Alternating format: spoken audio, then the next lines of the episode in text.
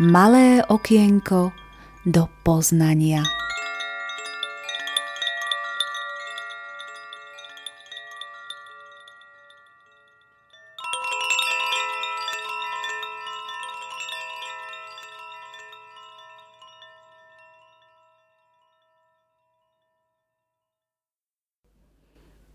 Prečo ľudia kričia? Jedného dňa položil učiteľ svojim žiakom otázku.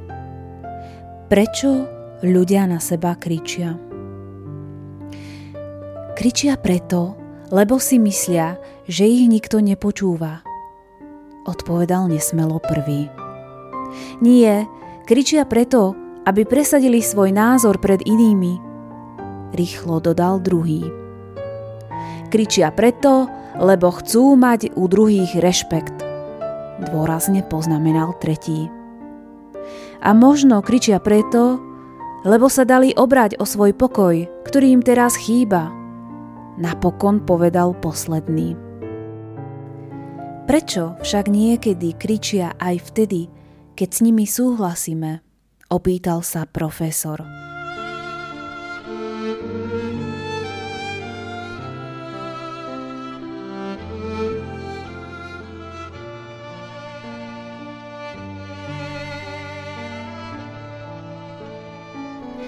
A žiaci znovu hľadali odpoveď, ktorá by bola vo všetkých ohľadoch správna, ale márne.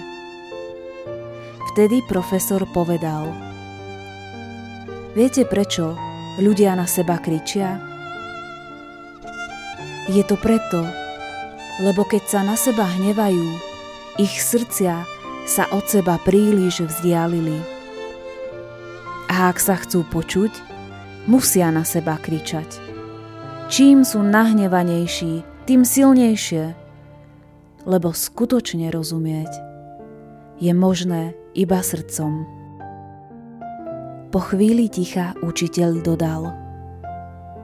Všimnite si, čo sa stane, keď sa dvaja ľudia do seba zalúbia. Nekričia, ale hovoria veľmi potichu. To preto, lebo vzdialenosť medzi ich srdciami je veľmi malá. Niekedy sú si tak blízko, že ani nehovoria, iba šepkajú. A keď je láska najintenzívnejšia, nemusia ani šepkať. Stačí, keď sa na seba pozerajú a ich srdcia si vtedy rozumejú aj bez slov. To sa deje medzi dvoma ľuďmi, ktorí sa ľúbia. Úlohou človeka je však lásku, ktorú sa pomocou milovanej osoby naučí v sebe rozochvieť, rozšíriť na všetkých a všetko, čo ho obklopuje a čo mu bolo z lásky prepožičané.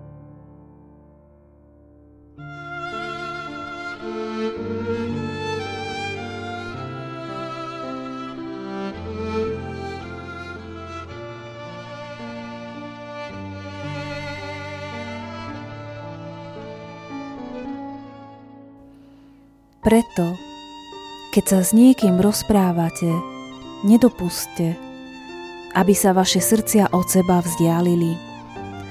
A keď si s druhým človekom nebudete rozumieť, nikdy nehovorte slová, ktoré by mohli vaše srdcia ešte viac oddialiť.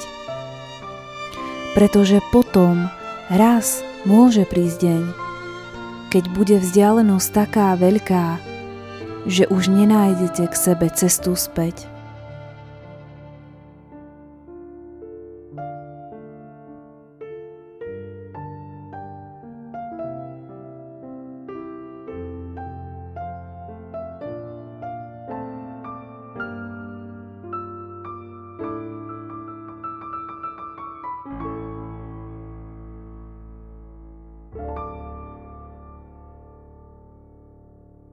Inšpiratívny text prevzatý zo stránky Poznanie SK.